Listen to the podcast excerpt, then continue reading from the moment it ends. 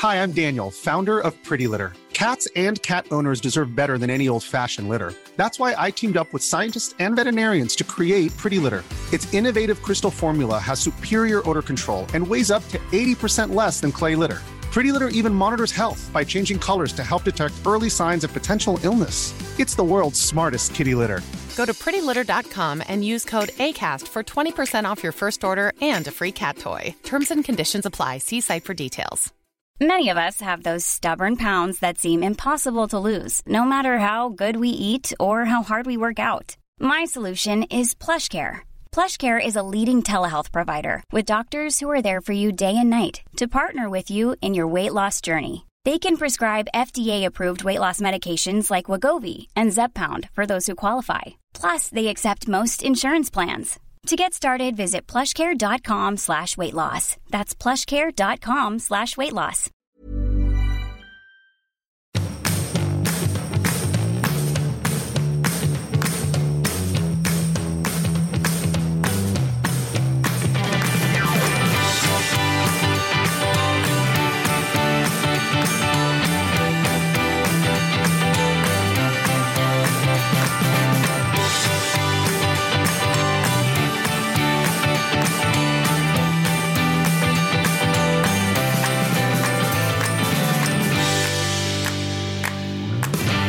Hej och välkomna till eh, en härlig sommarpodd i, i eh, ja, kärlekens tecken, kan vi säga det?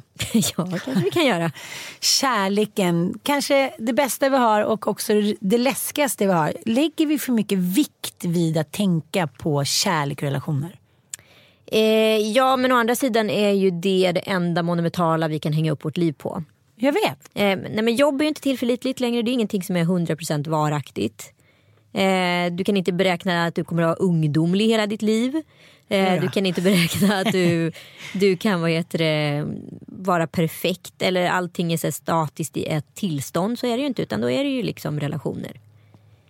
Men det är också någonting som vi, vi försöker kontrollera men inte kan kontrollera. Är inte det det som också är lite spännande i det? Jag vet, men det läskigaste tycker jag är när man inte är beredd på förändringen. Ja. Har du blivit riktigt tagen på sängen i en relation någon gång när det är så här, nu är det slut. Man bara, va? Vi som älskade varandra jättemycket och hade världens bästa liv.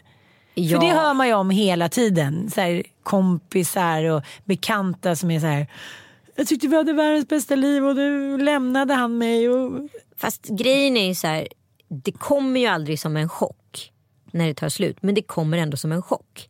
För att Men man för är vissa sån... kommer det som en chock. ja, men fast grejen är, jag tror så här, innerst inne jag tror att man vet fast man har liksom förnekat det så jävla hårt för sig. Ja, Jag återkommer till eh, en kompis som eh, levde i en relation och var jättekär. Eh, liksom hade världens bästa relation. Hade kämpat för den här mannen i många år. Ja men bara där hör du ju att det är fel. Varför? För att man kämpar inte för kärlek. Alltså om det är, alltså är det på lika villkor så är det ju liksom att båda lägger in lika mycket. Det ska ju aldrig kosta mer än vad det smakar. Så du menar att man, man ska bara så bli, träffa någon och så bara åh, bli superkär? Nej nej nej. Lika men kära? Nej men, ja, men alltså grejen, grunden, det är klart att det är så här wobbligt år ett. För att då är det alltid någon som gillar den andra mer eller mindre och så håller man på att testa varandras styrkor och svagheter. Men sen så när du liksom har jackat i varandra och är liksom teamet. Då är det ju på lika villkor. Jag ser, alltså de relationerna som jag anser är bra och som har hållit länge. Det är de som har den här härliga teamkänslan där man inte behöver kämpa för den andra partnern. Det är det man vill ha. Alltså att man så här, väljer varandra lika mycket på lika villkor. Men där faktiskt säger du någonting intressant. För jag har noterat det där senaste tiden när eh, så här, människor på, på Insta så här, ja, men firar någon årsdag. Ja. Och de som har varit ihop jävligt länge. Då är alltid ordet team inkluderat i så här älskar dig, eh, 30 år eller 20 år eller så här you and me typ, the team, la la la. Och det ligger någonting i det där att man älskar känslan av att vara ett team. Ja. Det hade ju faktiskt eh, jag och Mattias nu när vi var i Turkiet. Att man, så här, man går in lite i varandras liksom sfärer. Att man, man behöver inte hålla på och prata om vem som gör vad. Utan det bara så här, faller sig naturligt. Lite som så här, dominobrickor. Man bara säger, ja där är han med den och nu gör jag det. Inget tjafs. Nej, alltså, ingenting som skaver. Det ska bara Nej. lösas. Så otroligt skönt. Det är väldigt enkelt när man är på all inclusive på ett superschysst hotell. Men, eh, Men det är en väldigt tacksam känsla. Men jag bara undrar om den kan gå liksom över gränsen så här. We're the American team. Du vet ju de där paren som man kan se i USA med så här likadana shorts, vältränade, hon har tofs, han är så här De behöver inte alltid vara vältränade, de kan lika gärna shorts ändå. ja, jo, nej men absolut. Men å, å andra sidan kan jag vara så här, ja om de är lyckliga med det, fuck it. Ja, men det stör mig att de lyckas så bra i sin teambild och tänker så att de där ligger inte med varandra. Så bara, som Alltså, att måste jag du- gjorde det Simon. Exakt. Börja med att så här, lägga över på någon annan. jag skrev ett inlägg på bloggen och så här, hur vi försökte få till det hela veckan. ja. Jag tror att jag får säga det här för Mattias. Ja, jag gör det ändå. Ja men när man åker iväg på semester, vi har alltid så här en liten regel så här. Man måste i alla fall ligga en gång på en vecka. Fan det var jävligt eh, låg eh, Eller hur? Ja, ja, ja. Jävligt det, låg. Men, ja. så här, men å andra sidan bra att ni har satt den så lågt för det är ju, det, ja, men då är den ju achievable förstår du. ja jag vet. kommer ju inte bli besvikna för att ni inte gjorde det tre gånger. Nej precis. Sen kan det lika gärna vara så att man får till det tre gånger på typ en timme. Alltså, Ja, ja, men då är det ju, Då är det ju flax. super Ja. eh, du är ju riktig bananjas. Ja. Ja, och eh, ja, men nu hade vi ju två rum men så, så Frallan eh, hade ju problem med magen så att han var ju väldigt grumpy och då mammig som han inte är annars. Men vi kämpade på i alla fall och eh, första kvällen var det inte riktigt läge, var vi trötta, andra kvällen hade vi tjafsat lite. Men så här, mot eh, kväll fyra då kändes det så här, nu blir det. Och vi höll på och kämpade och så in med ungarna i det där andra rummet och eh, ja, in i sängen och började hålla på och som precis då liksom ja, när det skulle så här, hetta till så mamma, mamma, mamma. Bara, hoppas han somnar om hoppas han somnar av sig själv. Bara, Gud snälla. Du vet när man säger nu vill man verkligen ligga. Alltså nu är det så här, nu är det nästan som en ägglossningskänsla. Det är så här, gör det bara. Liksom, Få det bara överstökat. Mamma, mamma. Du vet man vill ju bara så här, nästan ta bebisen och stänga in den på toaletten. Eller någon annanstans. Men det kan man ju inte. Ja. Lägger mig där och då är han lite pigg då Frasse för han har ju somnat redan under middagen. Så då ville han ju vakna till lite. Mm. Kämpa på, minuterna går och jag är så här, du vet man känner spänningen från det andra rummet så här. Okej, jag bara så här, nu håller du vaken, nu håller du vaken och du med och du med och till slut typ efter 25 minuter får jag honom att somna om. Då tänker jag så här, ja men efter några drinks också. Nu är det så här over and for by.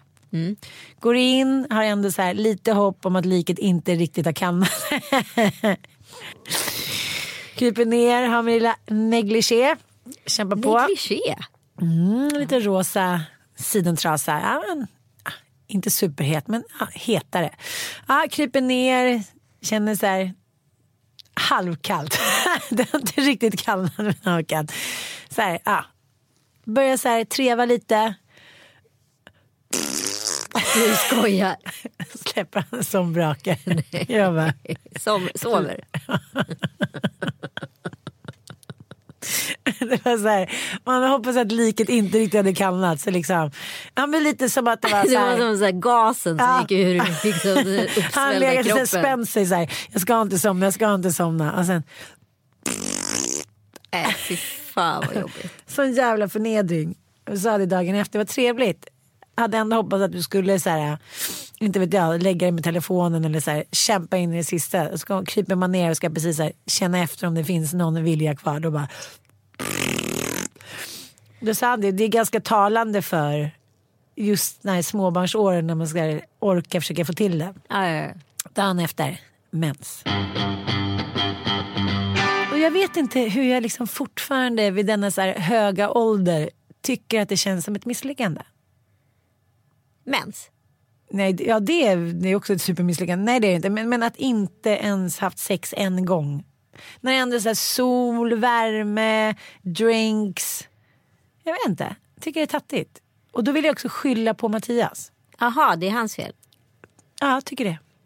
Fast det är ju inte det. Det är väl bådas fel. Jo men så här, jag bara försöker, så här, kunde vi ha gjort det då, hitan och ditan? Kun, ja det kunde vi kanske men jag vet inte. Man, när man var yngre så här, då behövde man inte komma i samma feeling på samma sätt. Nu lite Men så här, grejen är ju så här, när det börjar liksom, eh, vad ska man säga, när, när sexlivet börjar sacka. Ja. Då blir sex en sån jävla obstacle. Alltså, Mm. Annars, alltså när sexlivet är bra då förstår man ju att så här, hej nu fick vi två minuter över, då är det bara att stoppa in den och sen Ja. kör vi på i två minuter och sen så tar vi ut den så är det inte så mycket Ja, med det. Eh, alltså det är ingen grej. Nej, Nej men varje det är inte nej, ett litet Men helt plötsligt blir det liksom ett jävla, från en liten liten liten kinnekulle till Ja. fucking Mount Everest Mm. varenda gång du ska ligga. Då ska det liksom stå ett så här strå, en stråkkvartett Ja. gärna i ena hörnet utav Med sovrummet. myrra och typ Ja och så ska det stå så här heliga män i andra och, så här, och säga svärjelser så att ni kanske kan föda ett nytt Jesusbarn. Nej tack, det är bra. Hur går det med Jesusbarnet? Han som var Jesusbarnet som du då sa. Att det här barnet är från Gud. Nej, det är en ägglossningsbebis till. Han heter också Frasse. Bajen, bärs och rakade brudar och sen kom Frasse. Och sen kom Frasse. Nej men han var ju, en- han är ju fortfarande lycklig som Jesus. han är det lyckligaste är barnet. det enda men- liknelse? Men alltså efter att ha fått Bobby Ewing som är så här, kan sitta med ett experiment som man gjorde i tre timmar och hålla på med några bilar och en liten palm och så får man Frahlénberg. Alltså, ja, det tär ju. Jo tack, Jag- I've been there. Ja jag vet. Det är också så här att med Bobo kunde man faktiskt åka typ så här till Esplendido. Han satte sig i vagnen, man åt en fin middag, gick upp och la sig. Alltså, det var inget störningsmoment. Jag vet att han var ett undantag från regeln. Men Fralle, det är så här, det är verkligen men gud vad det Nej, men din kurrar. magekurra och min magekurra. Nej, men det är verkligen så här. Att käka middag eller käka frukost någonting. Det är verkligen så här, man får, man får så här tids, liksom, tidstoppar uret och så får man bara så här, springa som i en skämtfilm. Och sen, och sen kastar han sig ut. Liksom. Ja. Jo men jag har ju varit där. Jag ska Men det är inget dit igen. roligt. Nej det är inget roligt. Vem har sagt att så här, småbarnsåren är kul? Det är den största myten på jorden. Jo men jag vet men, men jag hade ju hamnat i någon falsk vagga där med, med Bobster. Att säga, ja men vadå vi, vi kanske får ett till barn som är så här. Men det är klart att vi inte, får. att vi inte får. Det finns inga sådana barn. Och jag som eventuellt ska producera en trea nu är ju, har ju liksom en 50-50 chans här. Det kanske är liksom är inför räkning igen att köra liksom vaknätter och 06 och liksom irritation och eh, bli arg på ungar och sådär. I två och ett halvt år, det vet man ju inte. Eller så blir det bara toppen. Joel var ju tydligen ett drömbarn enligt utsago. Men jag känner ju också att dina gener är ganska starka. Jag känner att det är mer 70-30 och att det blir en till Tom Allan. Eh, Nu tycker jag du är elak. Okej då. Jag vill bara inte att du ska bli besviken. Nej, hur gullig du är. Nej, men det finns väl en eh, överhängande risk att det blir en liten Tom Allan tyvärr. Men Nej, samtidigt, då, nu är det ju inte tyvärr. Nu har det varit värt allting. För Ja, ja, är så jävla ja, härlig så gud. nu håller jag på att dö. Nu är jag Tom. För gullig.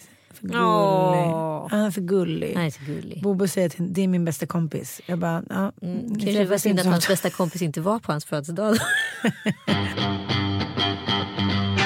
men berätta nu om vad du tänkte på med den här relationen. Jo, men hur som helst. Eh, jag eh, går då på stan och den här tjejen som jag inte känner, men jag känner hennes man. Hon liksom, ja men så här, krishoppar på mig. Du vet så här, från ingenstans så bara känner man energin och man så här, wow, wow, wow. Ja men eh, de har flyttat utomlands och ska ha så här, ett nytt härligt liv med sina barn och det har inte blivit så himla härligt för att han typ ja, vill skiljas. Han, de flyttar utomlands, allting var liksom så här en teamgrej. Eller var det Ja. han som ville och hon följde med? Nej, nej, en teamgrej, absolut. Så här, Okej, vad gör vi nu då? Så här, 40 plus, kanske halva livet kvar, har redan allting liksom. Ja, så här, hur ska vi toppa det här? Vi måste bara så här, förändra det och sen har man möjligheten att göra det också. Liksom. Ja.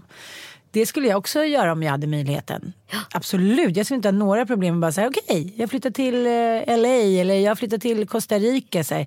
Jag har inget så här, och gud jag måste vara kvar i Sverige. Det finns Nej, nej, nej. ingenting sånt Jag skulle bli pensionär i Portugal. Portugal. Ja, men vadå? Du bor där ett år. Du får alltså hela pension, ingen skatt, ingenting. Varför? Därför de har sån typ av utbyte. Så det är inget, ingen skatt. Du får din svenska lön så betalar du ingen skatt. Så lever du gla, livets glada dagar i, i Portugal. Jag älskar Portugal. Ja, jag med.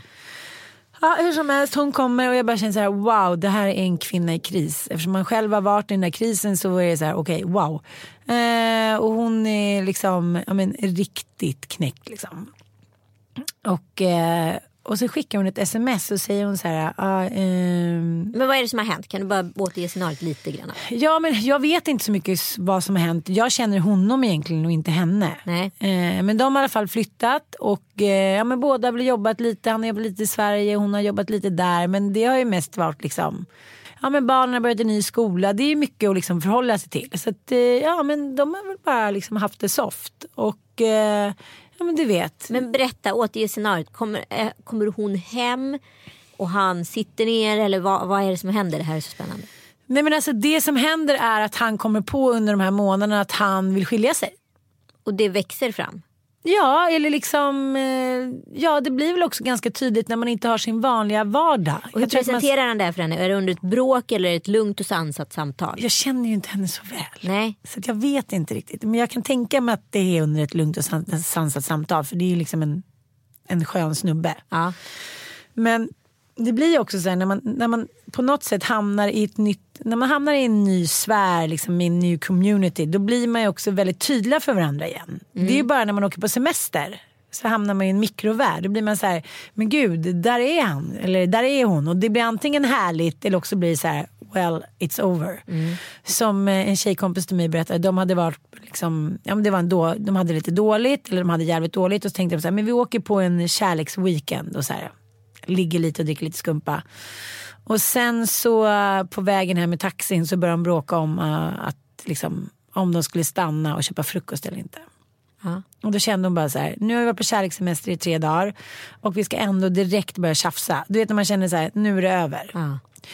Eh, och det är väl just det geografiska avståndet att man är så här, men gud, nu när vi lämnade rutinen där vi liksom, man, man ifrågasätter ju inte sitt liv på samma sätt när allting går sin gilla gång. Då är det så här, ja men det är så här. Man är ganska nöjd oftast liksom. Särskilt män är oftast ganska nöjda med sin liksom, Men just, alltså, just så här, semestrar, det är därför så, här, så mycket lägenheter är till försäljning i september. För då har folk varit på semester och då hamnat i någon så här mikrouniversum och där har då liksom alla de här felen, ska man säga så, i relationen som liksom legat lite dolt på botten. Ja. Helt plötsligt så här har trossarna lossnat och eh, problemen har flyttat upp till ytan och där blir det så konkret. Och så kommer du hem i augusti och försöker reparera eh, problemet och trycka ner dem till botten igen. Eh, men då är det redan över. Och därför blir det skilsmässa i september. klassiker. Klassiker. Men den här sommaren har jag tänkt så här, jag tänker inte ha så himla liksom, stora förväntningar på att så här, åh nu är det snart semester och nu ska vi hit och dit. Det blir ingen riktig, liksom, det är inte att ha semester att ha fem barn på Gotland. Så är det inte. Nej, och det är bara så här, okej nu är det inte det och nu gör vi det bästa situationen. Vad kan jag göra för att göra bästa situationen? Det är Men så du jag måste tänker ju nu. ha en eh, hjälp på Ja. Gotland. Du, härmed annonserar jag åt Ann Söderlund att eh, om det finns någon härlig glad tjej som vill tjäna en ganska trevlig extra peng den här sommaren så finns det nämligen några ungar, ja, framförallt två småbarn att eh, ta hand om eh, dagtid och kanske ibland kanske några kvällar. Ja. Ja, och så kan man kanske till och med få hjälp med lite boende om man nu skulle vilja det. Och då kan man ju bara Maila dig helt enkelt på ann.soderlund.gmail.com. Mm. Så, nu har vi löst det. Chip svejsan. Ja, och sen så ska vi prata vidare om vad som händer. Ja, och, ja, men jag hjälper henne lite med en... eh, Ja, hon ska till en terapeut som jag har gått till så pratar vi lite om det och sen hinner vi inte prata så mycket. Och sen ber hon mig om en tjänst. Ja. Och eh, så gör jag det och sen så smsar hon mig så här. ehm, har du googlat irritable male syndrome? Jag säger nej.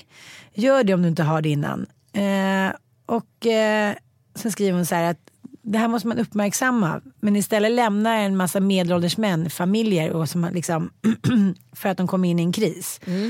Och då googlade jag det här och det här har jag ju liksom vetat om och pratat om förut att så här, även män såklart kommer ju in i någon så hormonell förändring precis som att vi hamnar i klimakteriet. Exakt. Och deras testosteronnivå går ju ner efter 30.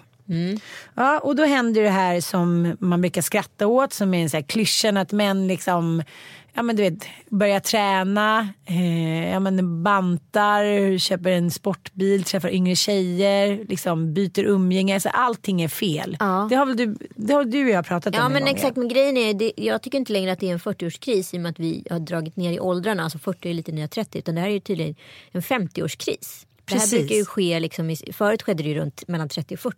Men nu har ju vi blivit yngre som art. Så nu är det ju liksom egentligen mellan eh, f- eh, 40 till 50. Ja. Men då googlade jag lite på det här. Lincoln A. Gerald hette, eller heter en forskare som 2002 då kom med nya rön.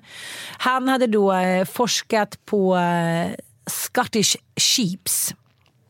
Om hur eh, liksom... De, Soy sheeps. soy det. Ja.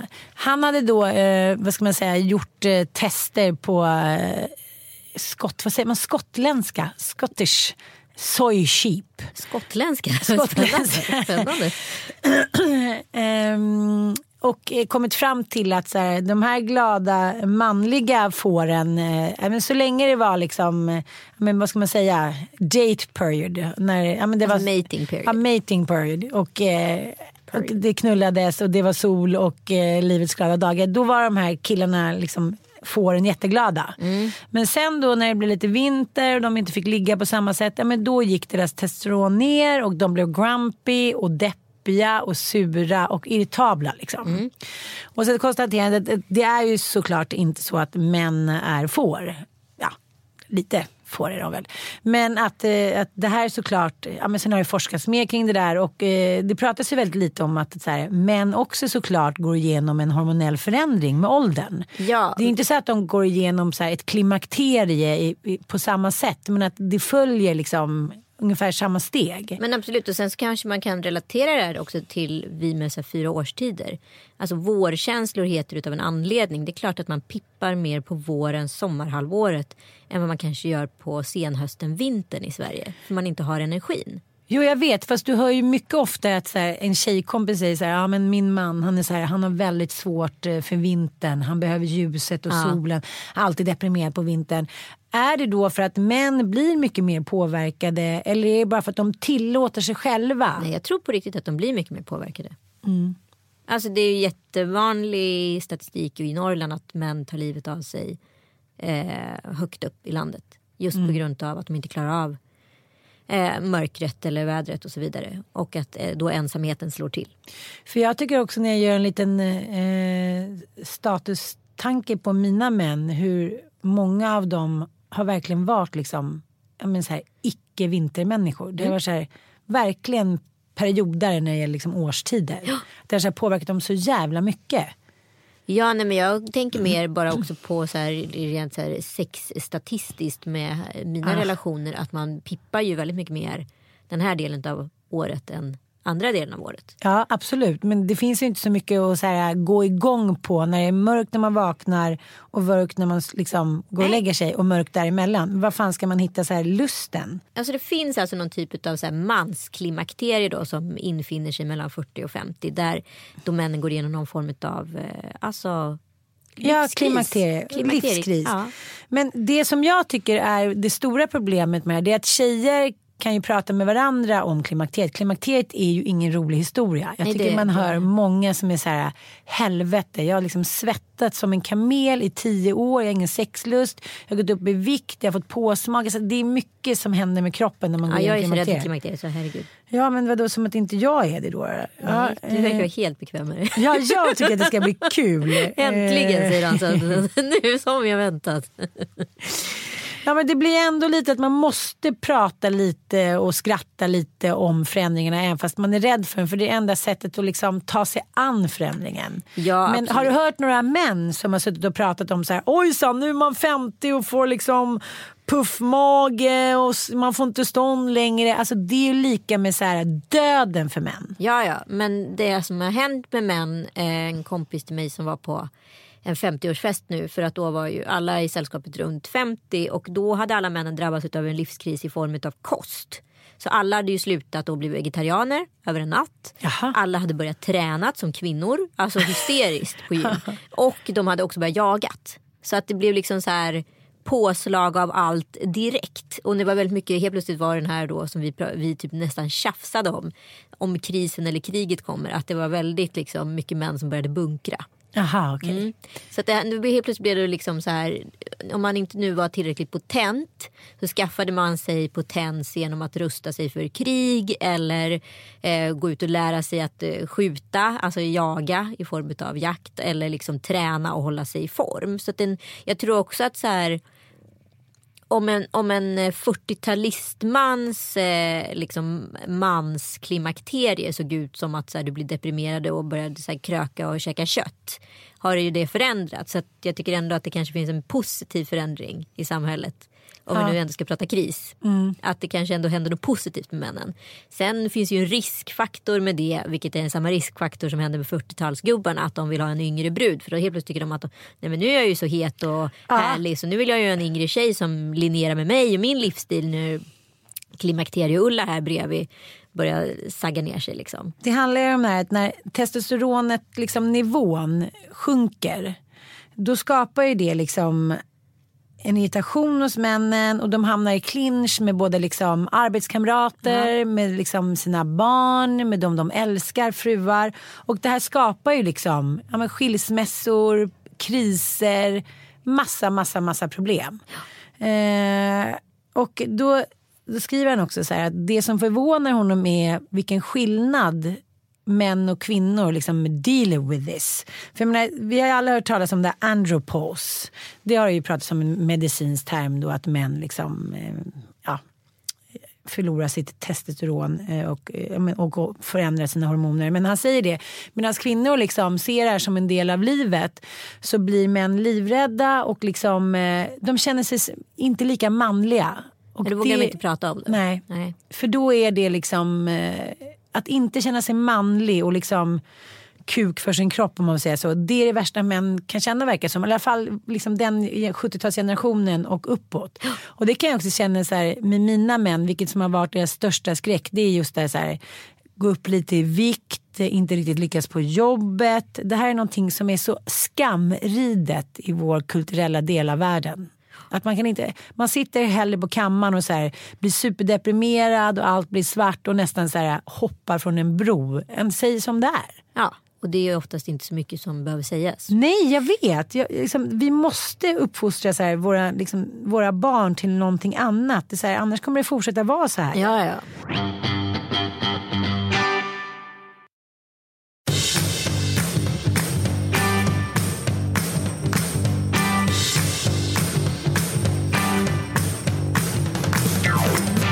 Nej men det här är så spännande tycker jag. Ja. Eh, för jag kommer ihåg när jag själv skilde mig så var det en kompis till mig som sa så här, har han gått igenom de fem faserna? Vadå, vadå, vad är det? Ja men först ändrar man musiksmak, sen skaffar man sig en dyr hobby, sen börjar man träna, eh, sen tycker man att det är fel på alla kollegor på jobbet. Eh, sen tycker man helt plötsligt att det är fel på sin, sitt eget liv. Och då börjar man titta inåt. Då ser man att så här, fan den här jävla frun, vad ska man henne till? Och, eh, jag förtjänar ju något mycket bättre och så vidare. Att så här, I'm, I'm beyond worthy. Alltså så här, jag är, jag är, det här är under min värdighet. Jag är mycket bättre än så här. Har den där jävla gnälliga frun där hemma. Ja, och liksom. Det här är ju baserat på väldigt kort tidsförändring. För de här liksom byta musiksmak, börja träna, liksom, skaffa en hobby med dyra, dyra gadgets. Det sker ju liksom på en ganska kort koncentrerad period ur ett livsperspektiv. Vi kanske pratar om ett år utav 40 år eller 50 år. Men då har du helt plötsligt hängt upp hela livet på det här senaste årets eh, förändringar. Du kanske börjar hänga med lite nya coola kompisar. Liksom, det kan vara sådana saker. Så tycker du så här, vad fan ska jag sitta kvar i den här gamla kärringen för? Liksom. Och så till sist så separerar du. Och det väl kanske det som har hänt eh, utomlandsmannen. Eh, helt enkelt. Han då flyttade utomlands och fick lite nya intryck. Han fick eh, uppmärksamhet från ett håll som han inte fått tidigare. Han insåg att eh, hej, jag har ju hittat hem. Det här, helt plötsligt är jag i linje med den här coola ballastaden. Ja, och som jag passar in ja, som i, jag men passar in inte- i, men hon passar inte in.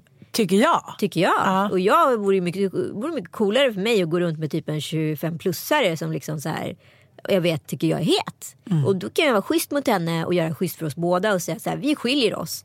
För då är jag kommit clean liksom. Så är det ju. Jo, men... Alltså det finns ju inga schyssta skilsmässor om Nej, här, jag vet. Men jag tycker att det sexigaste som finns är män som går in liksom i medelåldern med så stolthet och i fas. Och så här, accepterar precis som kvinnor gör. Så här, okej, nu har jag kommit till en annan del av livet. Då får jag göra någonting bra av det. Då får jag liksom kompensera kanske eh, mina muffinsarmar med att så här, bli riktigt jävla bra på italienska. Inte vet jag, det låter så himla klyschigt. Men jag tycker så här, det finns en värdighet i par som åldras tillsammans. Och så här, det är vi, teamkänslan igen. Ja. Och jag, tycker, Eh. jag hörde om en så jävla fin separation för ett tag sedan. Där liksom ett par har levt ihop i 25-30 år. Liksom. Och helt plötsligt bara så här, vet du, vi är fan bara kompisar. Ska vi ta och separera? Ja, det ska vi. Och så separerar de helt liksom Inga liksom grumpiness överhuvudtaget. De splittade hälften på alla pengarna även om han hade dragit in mest. Liksom. Det var inga konstigheter. Men fortfarande polare idag och nu har de bjudit in sina så här respektive på middag. Och liksom, allt är ganska oladdat. Helt fantastiskt. Jag bara, alltså, dit vill man ju komma om man ska separera. Alltså, det önskar man ju alla den perfekta separationen. Men så, det handlar också om, man pratar om den där teamkänslan handlar också om att man så här accepterar och respekterar den andra för vilken person den är. Om jag kollar liksom tillbaka på mina relationer så har ju männen varit väldigt olika. Ja. Några har ju varit så här superpassionerade och liksom living like there is no tomorrow. Bara vill ha sex mycket, vill liksom, ja men så här, det är mycket känslor och passion. Medan när andra har varit lite mer så här, ja men lite mer lagom. Lite som kanske de flesta är. Och eh, jag kan ju så här, på något sätt reglera det där. Även fast jag har mycket att göra eftersom jag kanske är slutkörd så kan jag alltid ha liksom lite tid för så här, någonting är roligt och passionerat. Så det där tycker jag också kan bli en clinch. Att jag är så här, men kom igen nu då. Och så kanske den andra inte orkar. Och det är också tycker jag är så svårt att så här, förlika sig med att man har olika liksom, behov och olika så här, levels of energy. Så är det ju absolut. Ehm, Hur, hur är, ni är fortfarande ganska nykära men känner du någon skillnad där liksom? Nej, inte än. Vi har ju inte Nej. fått eh, något barn än. Nej. Så att, eh, det, det är ju fortfarande... Storchen har inte Nej, kommit. storchen har inte kommit. Nej, men så att det, vi kan ju inte Nej, jag liksom... Sen Nej. kan ju jag ju uppleva att, men det kanske, jag vet inte om det hänger ihop med att jag är kvinna eller liksom vad det är. Jag tycker att jag är liksom, jag har ju mer ork Ja. än min respektive. Så Mm. är det ju. Och så tror jag det kommer vara. Och jag tycker alltid att jag har haft mer ork än alla respektive. Ja, jag med. Ja. Alltså, det går inte ens att jämföra. Nej, det är natt och dag. Nej, Men det jag tycker är jävligt spännande det handlar också om så här, hur man oskadliggör sig själv inför en relation. Jag var ju så här så jävla rädd eh, förra, alltså första året med Joel att bli lämnad. Så jag ville hela tiden skapa liksom en situation där jag kunde välja. Förstår du? Det var ju någonting som jag kreerade i mitt huvud. Jag var så, äh, vi får se, äh, vi får se hur det går. Äh, det spelar inte stor roll. Äh, du vet att man liksom så här. Om jag skapar den typ känslan. Då kommer ju inte heller fallet bli så stort ifall det skulle ta slut. Så Nej, gick jag klart. tänkte mig he- Nej. hela tiden. Och liksom det enda som egentligen sker är ju att jag blir jävligt kall. Alltså inför och liksom hela tiden ha det här.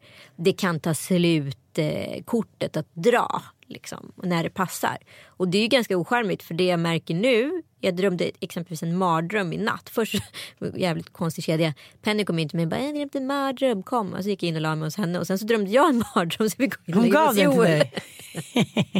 Nej, men då drömde jag att, han, att jag kom hem från jobbet och han satt upp i soffan och jag var så här, gud det är något som är, det är fel i hela rummet. Liksom. Han började gråta, han var så här, förlåt, ja, men jag kan inte göra det här längre. Och sen så stod liksom hans föräldrar typ ute på gatan och tvn var packad och kläderna Så var skulle det packade. kunna vara i och för sig. Ja, och sen så drog han och utan liksom förklaring. Och där satt jag och var så här, vad fan var det som hände? Mm. Eh, och fick som panikkänsla utav det. Jag bara så här, gick in till honom och bara, håll mig hårt liksom. Eh, att så här, nu, alltså det värsta jag skulle kunna tänka mig är att han skulle lämna mig. Men det är ju en klassisk mardröm. Att den andra försvinner och bara helt plötsligt en dag lämnar en och inte lämnar någon förklaring. Ja. Jag kommer ihåg mitt ex att jag drömde att han blev ihop med min syrra. Nej men gud vad jobbigt. Och att de stod där och du vet, tittade på mig och sa, men det fattar du väl? Och man säger, nej men vadå, vad är det här? Är det här i huvudet på John Markovic? Nej jag fattar ingenting. Vadå, ni två hatar varandra, ska ni vara ihop nu? Du vet den fucked up känslan. Ja. Någon har mindfuckat mig. Någon har så här, stoppat in ett chip i mitt huvud. Ja. Och det här hör man ju liksom människor som råkar ut för. Ja, när det är så här, Okej, eh, du ska liksom lägga över det här på mig. Oftast män som inte vågar stå för att de vill liksom lämna eller har träffat någon ny. Så här, jaha, en killkompis med hans fru hade redan köpt en lägenhet med sin chef. Och han tyckte så här, vi har väl världens bästa relation. Det var redan klart. Det var liksom redan en access ut. Då blir man så här, sånt är som galenskap för mig. Jag kan inte förstå det. Jag kan Nej. inte det. Nej, det är för galet. Men, nej men tillbaka till egentligen att man, så här, man skyddar sig själv mot någonting som man är mest rädd för. Alltså så många relationer tror jag som har gått i kras på grund av att någon så här är så rädd för att krisen ska komma så den så här försöker liksom själv skapa krisen. Alltså den åberopar krisen hela tiden. Och sen så kommer krisen och man så här kanske inte alls var beredd på det ändå. Jag tror liksom inte det hjälper. Det var det jag ville komma till. Nej, och jag tycker att det blir väldigt så tydligt att om man hamnar i en sån kris när det tar slut så är det jävligt svårt att träffa någon ny. Ja, de är så otroligt rädda hela tiden. Ja, som en tjejkompis till mig. Hon hamnade liksom verkligen i en chock när hennes man lämnade henne. Och han sa så här, jag pallar inte längre. Jag pallar inte att du ska så här, hålla uppe den här garden. Att du ska vara så här, oh, oh, jag är tuff, jag klarar mig själv. Alltså inte våga så här, öppna ditt hjärta. Och hon, hon hade inte alls förstått det, hon hade inte sett det så. Nej. Utan hon, precis som du har gjort det här året, fast hon hade gjort det kanske i fyra, fem år. Så ut var han så här, äh, Alltså, våga vara sårbar. Det är väl det man vill liksom uppmana alla till. Alltså, Mm. Det är inget farligt att tappa ansiktet. Det är inget farligt att visa att man är svag. Det är ingen som kommer straffa dig för det. Nej men om man, om man kanske aldrig har varit sårbar eller aldrig vågat öppna sig eller inte vet hur det känns. Eh, då vet man ju heller inte då förstår man ju heller inte den andra som har levt i relationer där den har varit sårbar vad det är man inte har bjudit på. Men när man har levt i relationer där den andra har varit jävligt sårbar då vet man att det djupet man kan nå i varandra när man är det. Det är liksom så mycket vackrare än något annat. Och då blir en relation där den andra inte vågar vara det jävligt platt. Ja exakt, för den kommer alltid vara ojämn. Ja. För det är alltid någon som sitter och har liksom det psykologiska övertaget eller vad Mm. man ska säga. Det blir jävligt märkligt. Men tycker du att du vågar vara sårbar nu? Ja verkligen. Ja. Och det är ganska skönt måste jag säga. För att helt plötsligt blir man ju, även om man kanske kände teamkänsla förut så är man ju så här 100% team nu. Ja. Alltså, eh, för att ti- tidigare har det hela tiden funnits en rädsla. Jag har haft det med mig verkligen. Jag tycker att det tar ett år innan man liksom är i fas. Alltså alla relationer jag har haft har en infasningsperiod på ett år. Det är klart att det blir honeymoon och sen kommer ups and downs. Kommer två steg fram, ett bak och så vidare. Man så här, pr- prövar varandra och testar varandras styrkor och svagheter. Och alltihop. Och jag och Joel har ju, liksom, vi har ju sett sen februari förra året så det är nästan ett och ett halvt år. Liksom. Men, eh, men jag känner att liksom, ja, men sen två månader tillbaka typ, då, då satt det. ja. Alltså, Härligt. då är det så här, ja, ja men nu vet jag. Det är vi. Det är vi. Ja. Det är härligt ju. Det är ju svinhärligt. Sen är jag ju som du vet att jag är ju ångestkoko liksom. Mm. Jag är alltid orolig för "Åh, vad händer när jag är 91 och han är 80? Det var faktiskt min sämsta hittills. Det här är alltså Anita Schulman på allvar när vi går ute på stan. Så här, att hon har ångest när hon är 91. Jag bara, men om du ens blir 91 så är det ingen som vill ligga med dig överhuvudtaget. Varken Joel eller någon gubbe på stan. Så, så ta det lugnt. vad händer när jag är 71? Ja, men då- och han är kom- 60? Nej, men, eh, min eh, bekanta då hade fått tipset av deras husläkare att hennes eh, ja, man, eh, snart exman, skulle smörja in sig med testosteronsalva. Det är kanske lite svårt att så här, mitt i brinnande skilsmässa bara Hej, by the "Älskling, way." by the way, ta lite salva. Så häxbrygd nummer ett. Liksom. Nej men jag tror att det handlar mycket om att så här, också se möjligheten att inte bara, vare sig man är man eller kvinna, även om man känner att man hamnar i en livskris, det kan ju vem som helst göra. Det blir jävligt lätt att man känner så här, shit jag kommer dö om jag ska vara kvar här, jag måste bara förändra allt. Det kanske inte behövs förändras allt. Nej. Det kanske bara behövs en liten testosteronkräm. Exakt, men jag har tänkt på det där jävligt mycket nu när det är fotbolls-VM. Det är väldigt mycket män på tv just nu. Ja, jag, jag tycker det är så roligt. Det har varit så bra matcher så att oj, oj, oj. oj. Jag har faktiskt varit helt involverad för en gångs skull. Bra älskling. Ja. Eh, och eh, fotbollsspelare, de kommer ju undan med ganska mycket. Ja. Alltså så här, Ronaldo håller på med sina beauty treatments hela tiden. ja men han är ju something else. Ja men han är ju också something else. Han, han, vet du vad? Jag tycker han får göra det för han är så pass bra. Ja, han får göra vad fan han, Han vill. får göra vad fan han vill. Eh, alla fotbollsspelare rakar ju benen. Ja. För att musklerna ska synas. Eh, och Kanske det ska börja. Skyller på vindmotståndet. Nej då. Och sen så eh, är det jättemånga som håller på med hårtransplantationer. Ja. Och det är helt legitimt i sportvärlden. Och som är den manligaste machokulturen som är så fåfäng. Och liksom ändå har skönheter som så David Beckham etc. Liksom. Eh, ja, David. David. Ah. Ja, nej men då undrar man ju så här, varför är då skönhet fortfarande en sån tabu när det kommer till män? Varför är det liksom, jag, jag såg eh, Tess Merklers eh, snubbe, han har gjort en hårtransplantation nu och var så här, there's no shame liksom. Så bra. Så bra. Men, Heja, ja, heja. Jag tycker så här, varför ska män få gå runt och lida för saker som, ja, men som per definition riskerar att få dem så här mindre attra- attraktiva. Alltså så här, massa sådana saker som är så självklara för en kvinna skulle reparera på en gång och kanske till och med skulle få ett bidrag för att reparera. Men varför finns inte det för män? Nej, jag vet inte. Jag har tänkt på det där så ofta när jag ser eh, vissa män. Så tänker jag så här. Det måste vara det enda de tänker på när de tittar sig själva i spegeln. Och eh, ett ex till mig, han fick ju så här flika redan när han var 22-23. Mm, det är inte så kul. Nej, och jag vet. Så här, liksom, han led så mycket av det där. Mer än vad liksom, kanske en kvinna någonsin kan göra med hängbröst eller vad nu allt vi, vi mår dåligt av. Men jag tänker också på det när eh, Prince William Ja. Att jag tänker så här. Det är bara så synd. Han är så ung och ska ha den där månen uppe på huvudet och kolla sig själv i spegeln varje morgon och hata sitt utseende. Ja. Och då tänker jag så här, när det började glesna om han nu inte ville tappa ansiktet för att så här, åh, jag är kunglighet, världens mest kända blivande kung, jag har gjort en hårtransplantation. Den kan man ändå förstå. Men varför gör man det inte då precis när det börjar? Så Exakt. att ingen vet om det. Exakt. Den fattar inte jag. Nej, men jag har en killkompis som har gjort det och jag har fattade överhuvudtaget inte att han hade gjort det. För han gjorde precis det. När det började glesna så var han liksom proaktiv och liksom löste problemet. Och tillbaka från det så undrar jag så här, hur är du i kris? För den här kvinnan som vi pratar om, hon är väldigt rättrådig. Hon har tagit reda på det medicinska. Hon försöker lösa problemet konkret. Även om det kanske i slutändan kommer generera samma resultat.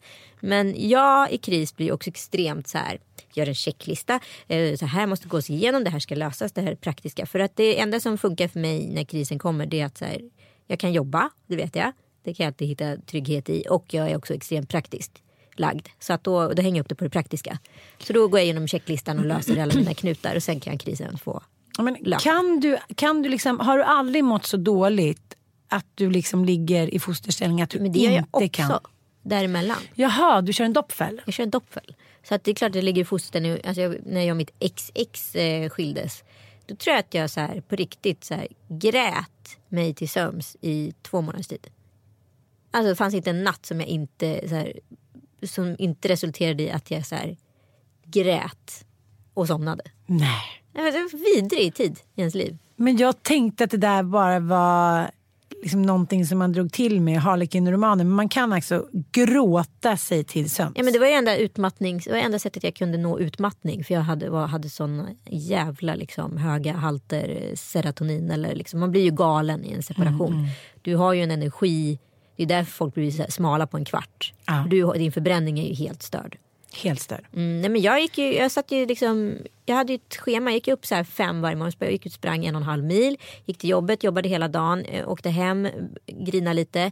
Eh, bytte om, tog en bärs hemma. Åkte ut på stan, var ute till ett. Gick och la mig, grät mig till sömns, somnade. Gick upp. Alltså, jag, så här såg mitt liv ut i två och en halv månad. Sen kollapsade jag. Det var inte så konstigt. Nej, Jag kollapsade ju- framför ratten. Så jag var tvungen att så här stanna utanför Sara-butiken på, vid PK-huset där. Eh, och så fick min kompis ta över ratten. För jag bara säckade ihop efter en powerwalk på Djurgården.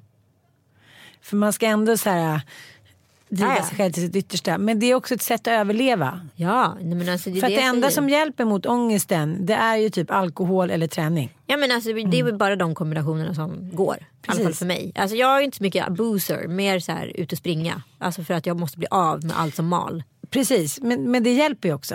Ja, ja. Det hjälper ju alltså, så in i helvete. ja.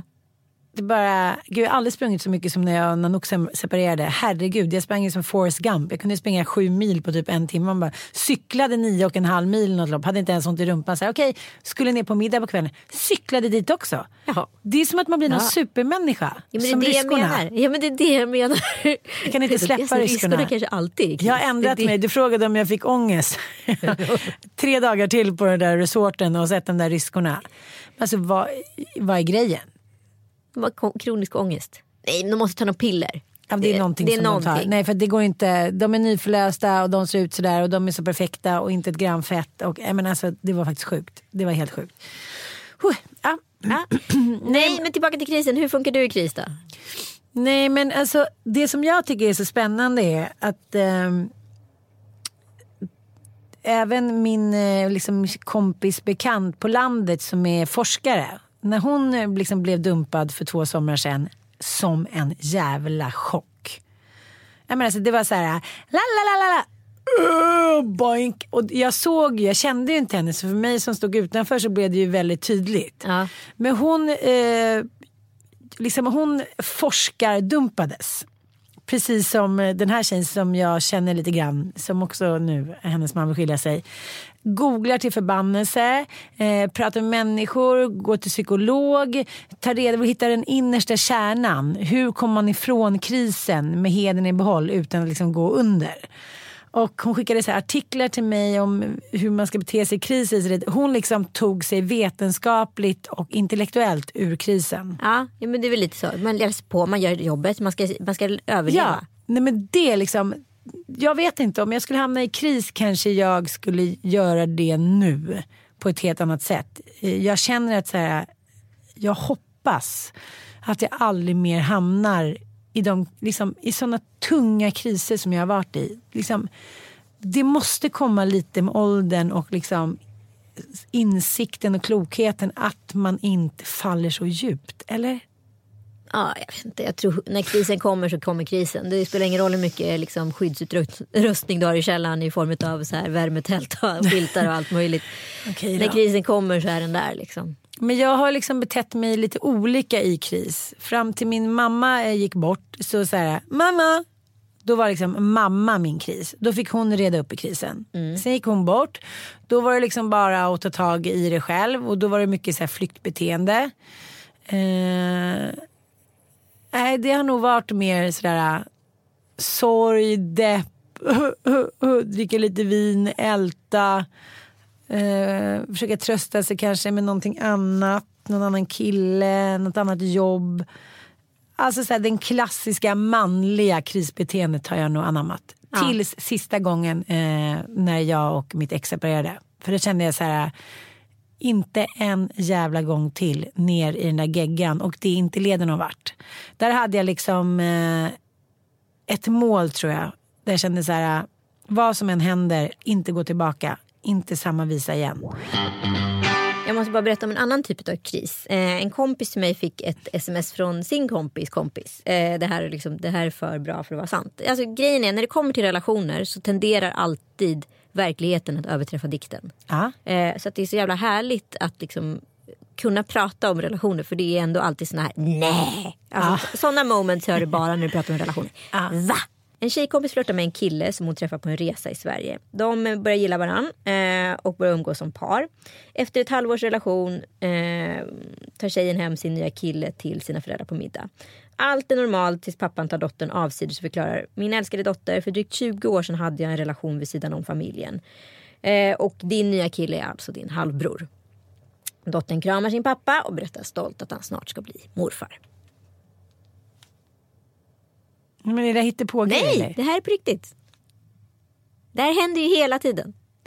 Nu ska hon ha barn med sin... Halvbror. Men hur visste han att det där var hans son?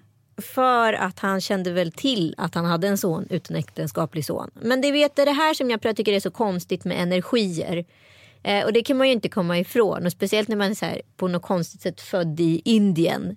Eh, och liksom, konstigt sätt. Nej men man är född i Indien, man hamnar i Sverige och sen så träffar man en snubbe från så här Gävle som är 11 år yngre. Alltså vi hade ju inte träffats. Alltså det finns, alltså, oddsen för oss att träffas egentligen är ju så extremt små. Ja. Eh, precis som att den Är här det din tjejen... halvbror? Nej men precis som den här tjejen då blir kär i sin halvbror. Ja. Alltså, det, det, Ja, jag vet, det, jag men vet, det är jag det jag menar, alltså, energier är ju så fascinerande. Hur kan två människor som egentligen inte borde ha någonting med varandra att göra ändå sugas till varandra? Nej jag vet. Men jag, jag tänker också alltid att så här, också hur man men så här, jag älskar det uttrycket because first expressions last. Som, vilket, det är ju reklam för kaffe va? Ja, exakt. Ja, men det är ju verkligen så. Om inte jag hade så kommit för sent eh, och liksom hunnit byta om från min klänning med bar rygg som var superkort som blåste upp hela tiden när jag träffade Mattias på den här golfbanan. Om inte jag kom tio minuter för sent så att det blev liksom effektfullt att han satt i sin lilla golfbil och jag var såhär, hej nu är jag här. Då hade det inte blivit samma stuns in i kärlekssagan. Nej, men det är det jag menar. Alla de här momentsen är ju ändå heliga. Uh -huh. På sättet man träffar någon. Uh -huh. Alltså, det kan man inte komma ifrån. Och jag kan tycka att det är så jävla vackert. När mm. man tänker på det. För det, blir ju, det är ju poetiskt. Alltså, ja. så här, hur är det ens möjligt? Nej, hur är det ens möjligt? Och grejen är ju så här, som jag sagt tidigare. att Om inte liksom sociala medier per definition hade funnits. Hade ju jag aldrig pratat med Joel. För att Nej. han är ju en blyg kille. Han skulle aldrig våga komma fram till mig. Nisch. Han skulle aldrig våga komma fram till mig. Och då hade det varit någon gapigare, roligare, tokigare, iögonfallande, mer så här, träffsäker snubbe som hade tagit min uppmärksamhet så det var löst på det sättet. Ja, ja men den blyga killen fick kyssa den vackra flickan. Ja, nej, gamla tanten. Jag kallade mig själv för dam i morse. Det var inte helt populärt. du ska dam gå. Ja. Puss. Puss.